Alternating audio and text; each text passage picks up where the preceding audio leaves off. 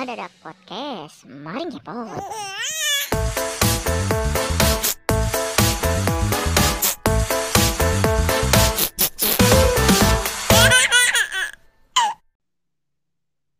Halo sobat ngedadak, balik lagi sama gua di Empet di konten horor.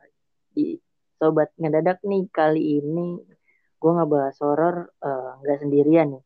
Kemarin gua udah sama Menye, kali ini gua ditemenin sama Aprijal. Halo Jal, Halo, aduh, gila nih gue baru muncul nih di episode nggak yang apa-apa ini. lah. Nih kita mau ngebahas horor lagi Jal. Jadi kemarin gua udah ngebahas horor sama Menye, itu dia ngebahas eh, pengalaman yang ada di gunung, pengalaman mistis Hmm, di gunung. Nah cuman kali ini gua mau ngebahas tentang tempat-tempat nih, tempat-tempat horor yang ada di Indonesia. Gimana kalau menurut lo? boleh sih itu kayak emang banyak sih Indonesia juga kagak bisa di kita anggap remeh sih ya horornya ya. Benar-benar. Kita tuh negara mistis tahu. Negara Bisa mistis kita. gitu. Bisa dibilang kayak gitu karena emang banyak tempat yang udah terkenal juga nggak sih? Ya, kayak itu atau tempat-tempat di gunung juga. Itu banyak banget. Sampai bingung gue ngejelasinnya gimana. Cuman yang pengen gue bawain ini nih, kalau dari gue sendiri, gue pengen ngebawain ya cerita horor atau tempat horor yang ada di Jakarta nih. Yang ada di Hmm. Jakarta. Apa tuh? Tepatnya Menara Saidah. Lu pasti dengar, eh, udah Iya. pernah dengar Menara Saidah kan? Oke, oke, pernah, pernah, pernah. Mena- Menara Saidah itu kan eh, kalau misalkan dari luar kelihatan kayak emang rada miring gak sih? Mm-mm. Kalau emang lu pernah lewat jalan Gatot Subroto, Menara Saidah itu tuh rada miring berapa apa ya hitungannya pokoknya miring kayak menara pisah jadi Iya, kelihatan iya. kayak miring. Nah, Menara Saidah ini nih terletak di Jalan Gatot Subroto, Jakarta Timur dan dia diresmiin pada tahun 2001. Nah, Hmm. dulu itu Menara Saidah ini tuh ya semacam gedung pada umumnya lah. Dioperasiin itu sebagai gedung perkantoran, Hmm. acara pernikahan, meeting, sampai acara ya formal aja lah. Baru Nah, tahu gua, bangunan baru tahu gua tuh. Iya. Jadi ya kayak gedung pada umumnya lah. Pada saat itu tapi, nah bangunan ini juga memiliki kayak punya pilar gede gitu pada bagian lobi dengan jumlah lantai yang mencapai 28 buah. Dan desainnya juga ini kayak apa ya, kayak gaya-gaya Romawi gitu loh. Hmm. Dengan beberapa, ada patungnya juga ternyata, ada beberapa patung yang emang sengaja diimpor dari Italia dan buat dipajang di gedung tersebut. Nah, singkat cerita, nah tadinya dulu, dulunya nih nama Menara Saidah bukan Menara Saidah. Apa Dulunya itu dia bernama Gedung Grasindo. Hmm. Gedung Grasindo ini dimiliki oleh grup Mustika Ratu dan pembangunan ini udah dimulai sejak tahun 1995 oleh grup eh, Mustika Ratu tersebut.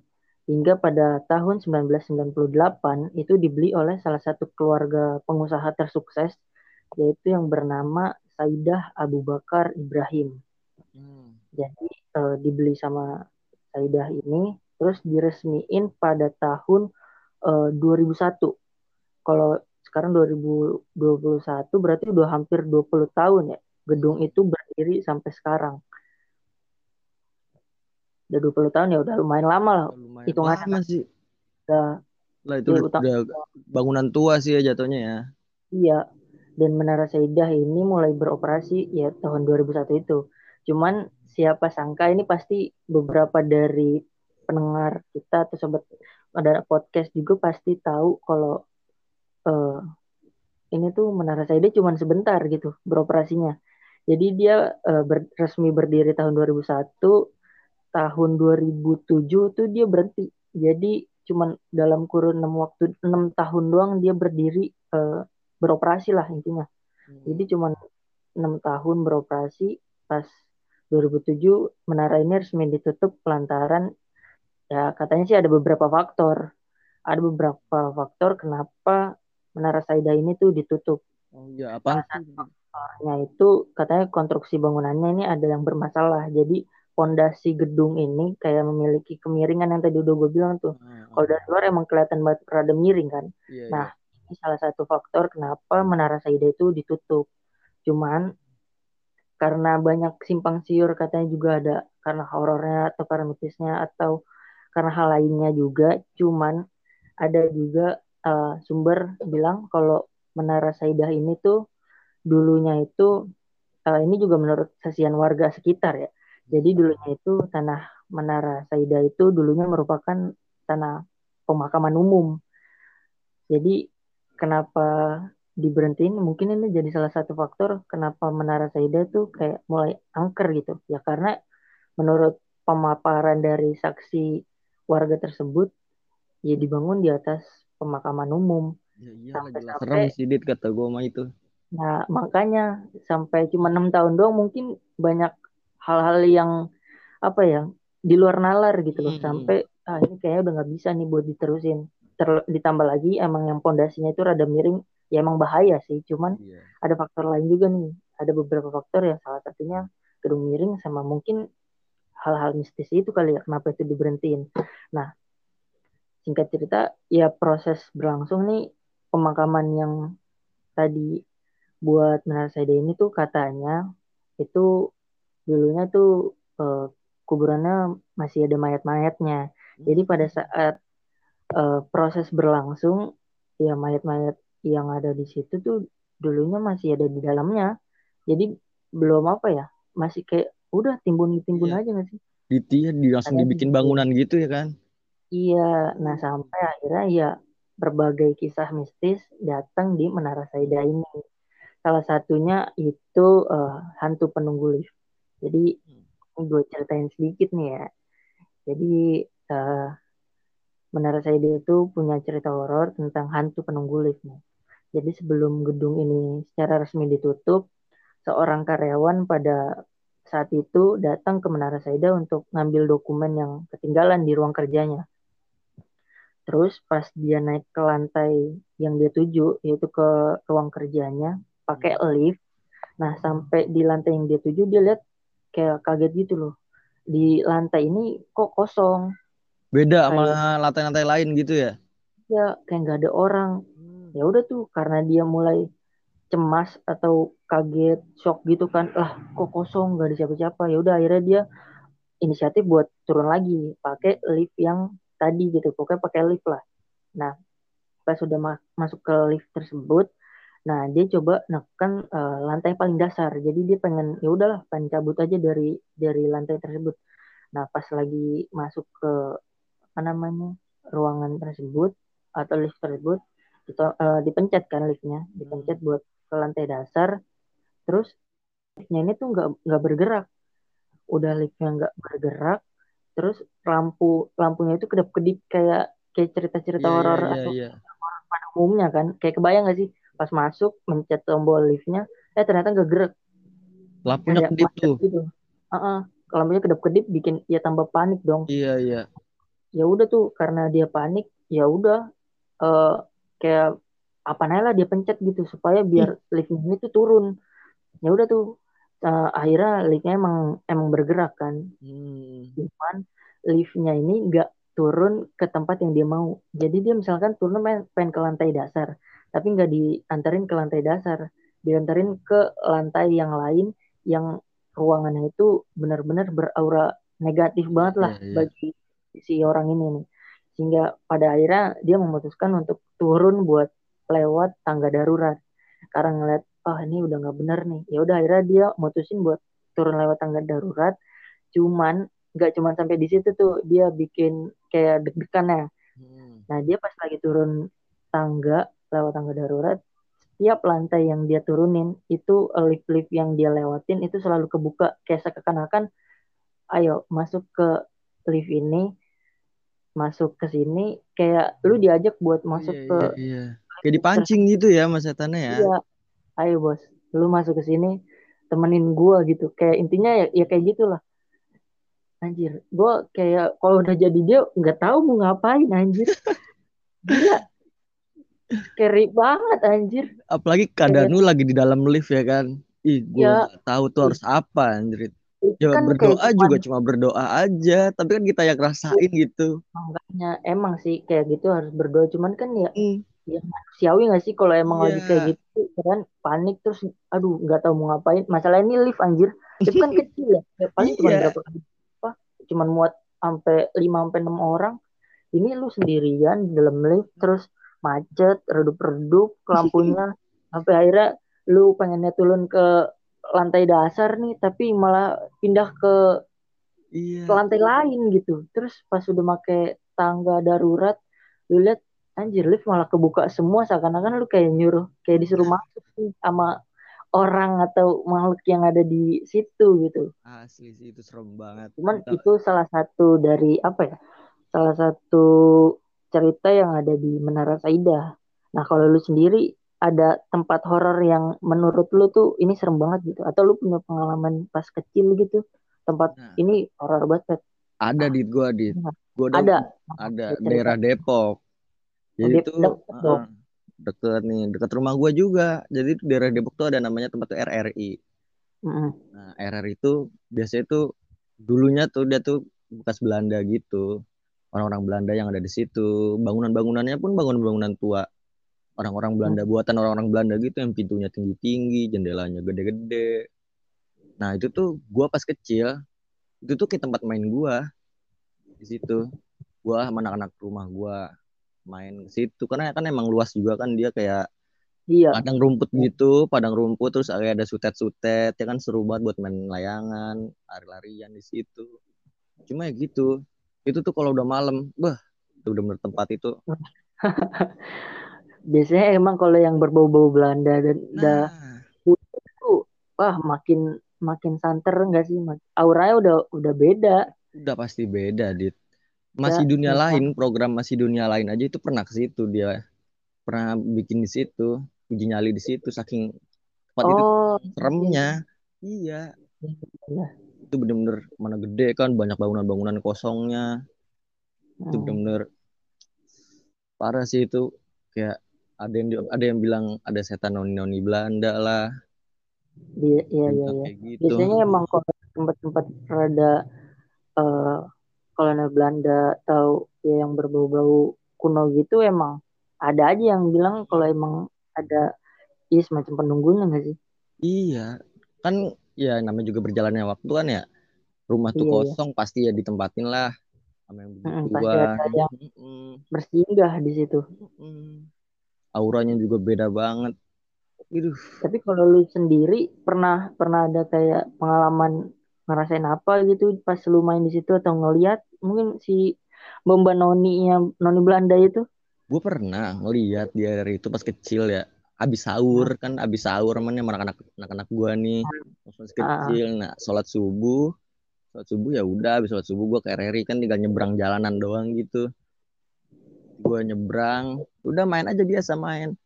Nah salah satu teman gue tuh ngajakin ke dalam gedung. Di banyaknya gedung RRI itu dia ngajakin ke salah satu gedung itu. Gue masuk dah tuh sama teman-teman gue pas gue masuk itu bener-bener auranya beda banget dia bangunan juga eh, bangunannya tua debu semua di Ya. mana-mana. Ya, ada gitu ya. satpam. Iya satpamnya ada cuma satpamnya tuh di pagar depan banget jauh dari gedung-gedung itu. Dan sisanya dalamnya udah nggak ada apa-apa nggak ada satpam nggak ada bener kosong. Cuma Ya, gedung cuma sebatas ngejagain tuh gedung doang ya kan? Biar Mm-mm. oh ada yang ngejagain satpam ya udah sebatas itu. Terus terus. Nah pas gue masuk ke gedung itu nih sama teman-teman gue nih itu bener-bener gue ih sumpah itu serem banget. Bener-bener lewat di gue nih rame-rame. Anjir. Cuma jalannya agak cepet gitu kan. Itu tinggi banget dit. Tinggi banget orang itu. Serius? Bukan orang sih bukan orang kayaknya itu bukan orang kayak kayak ba- bayangan gak sih? Atau ayat be- bentuknya gitu loh. Jadi itu kayak berbentuk orang. Cuma gelap Mm-mm. gitu dit. Gelap.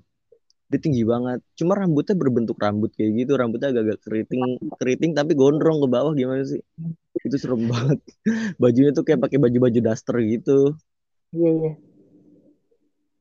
Itu lewat depan lu lu bocah sama bocah-bocah lu tuh?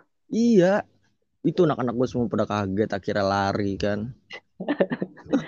Udah tuh lari wah kenceng-kencengnya. Udah. Bener-bener udah ada tuh kira buat cerita anak-anak ya kan kalau udah udah Ah. pada gede nih. Cerita-cerita zaman dulu kecil jadi lucu banget itu bener serem banget itu serem banget parah. Gua nggak tahu itu noni Belanda atau bukan. Yang jelas itu serem banget di gedung itu. Emang kecil suka iseng gak sih nyobain Iya. masuk masuk Iya kayak so tau gitu masih kecil mah kita Iya. nyoba-nyoba. emang rasa ingin tahu ya tuh gede banget sotoy Hmm. kayak yotos banget anjir sumpah gue juga pernah ke tempat-tempat ya pas masih kecil emang rada songong gitu kan karena Hmm. ya berani juga emang rame-rame anjir karena rame, ya sendirian capek juga yang berani datang ke Iya. tempat begituan ini karena rame-rame terus iseng ayo berani gak lu masuk situ? Biasanya ditantang-tantangin tuh. Nah, lu iya. berani gak masuk situ? Ya elah ayo berani gua. Ini ya masuk nih mas. Masuk diliatin cabut. Sama tuh gue pernah anjir kayak gitu. Emang ya peninggalan Belanda itu emang rada pernah punya Hmm. mistisnya sendiri lah ya. Jadi Iya. kayak ya apa namanya? Ya di ini di eh apa sih gue bingung. Dirawat gitu. iya iya perlu dirawat. Biar ya walaupun pasti ada penghuni cuman seenggaknya ya emang mesti dirawat. Iya. yang tadi juga tuh apa namanya eh Menara Saida dia juga cuman kayak gitu. Ada satpamnya dua atau beberapa gitu. Ya udah sebatas ngejagain untuk menara doang bener-bener kayak udah dalamnya mah udah itu bener-bener kayak udah dimakan usia banget ya kan kosong. Terus juga itu kan tadi lu eh, RRI Hmm. ada Menara Saida sebenarnya banyak ya apa namanya tempat-tempat angker yang dulunya tuh pernah ada kejadian gitu loh. Iya. pernah ada kejadian sampai akhirnya eh, tempat ini jadi bisa dikatakan angker. Ya contohnya kayak Mall Klender nggak sih lu tahu Hmm, itu hmm. Mall Klender gak? nah Tahu, itu kan tahu, sempat tahu. jadi film juga karena pas apa namanya peristiwa 98 semuanya dibakar-bakarin Hmm. gue juga pernah dengar kayak eh itu tuh kan dibakar nggak sih kayak dibakar terus eh orang-orangnya masih ada masih pada di dalam Ya, masih di dalam dia masih nggak bisa keluar karena pintu keluarnya juga gimana udah begitu kan udah kacau itu sampai akhirnya ya kebakar di situ terus eh itu kan deket rumah gue juga ya gue kan di Kalimalang. Hmm. terus emang sekarang udah jadi mall sih udah jadi mall apa namanya mall ya udah mall yang rame lah. Iya cuman pas aktif dulu iya sebelum dijadiin yang kayak sekarang emang apa namanya punya cerita tersendiri untuk orang-orang yang ada di situ di Jatner di Klender. Jadi kayak iya cerita rakyat gitu dah. Mm-mm. Jadi kayak apa ya emang banyak sih tempat-tempat yang dulunya tuh pengalaman dari kejadian-kejadian gitu loh Iya. Ada yang dari kejadian ya kan, tragedi segala macam. Ada yang dari sejarah bener-bener kayak ditinggalin tempatnya lama karena ini ini ya kan. RRI. Kayak RRI itu bener-bener serem banget parah.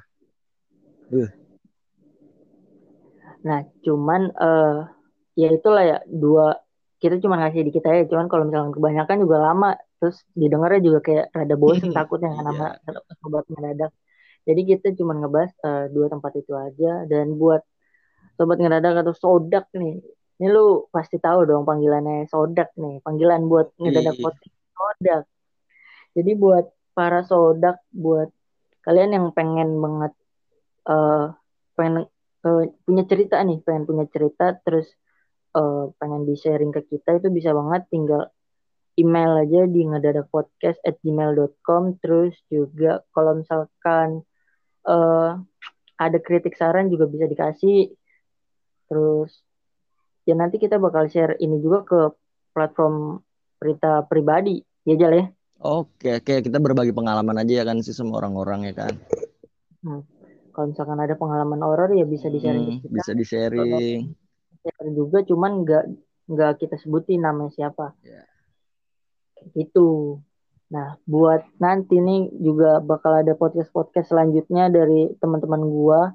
Pokoknya eh, dengerin terus ngedadak podcast dijamin. Ya kita mencoba untuk menghibur dengan ala kadara ya lagi ppkm gini kan nggak bisa ketemu. Jadi kalau Hmm, misalkan ada suara-suara yang gak kedengeran atau noise noise dikit mohon dimaklumi karena kita ya namanya jarak teknologi. jauh ya jarak jauh kita nih sama manusia pasti ada error-errornya nggak sih? Mm-mm. Pulang, tiba-tiba ada suara motor kayak barusan. Tuh kayak nih kedenger. Jadi ya itu aja lah podcast kali ini. Ya. Gua Adit Empet pamit Dan undur gua- diri. dan gua Aprijal undur Terima diri Eh, semoga sehat terus, eh, patuhi protokol kesehatan, 5M, pakai masker dan jangan ya jangan keluar dulu lah karena lagi Mm-mm. pandemi. Semoga pandemi juga semakin cepat selesai ya kan. yo Terus tetap di rumah aja lah. Ngadadak podcast, mari ngepot.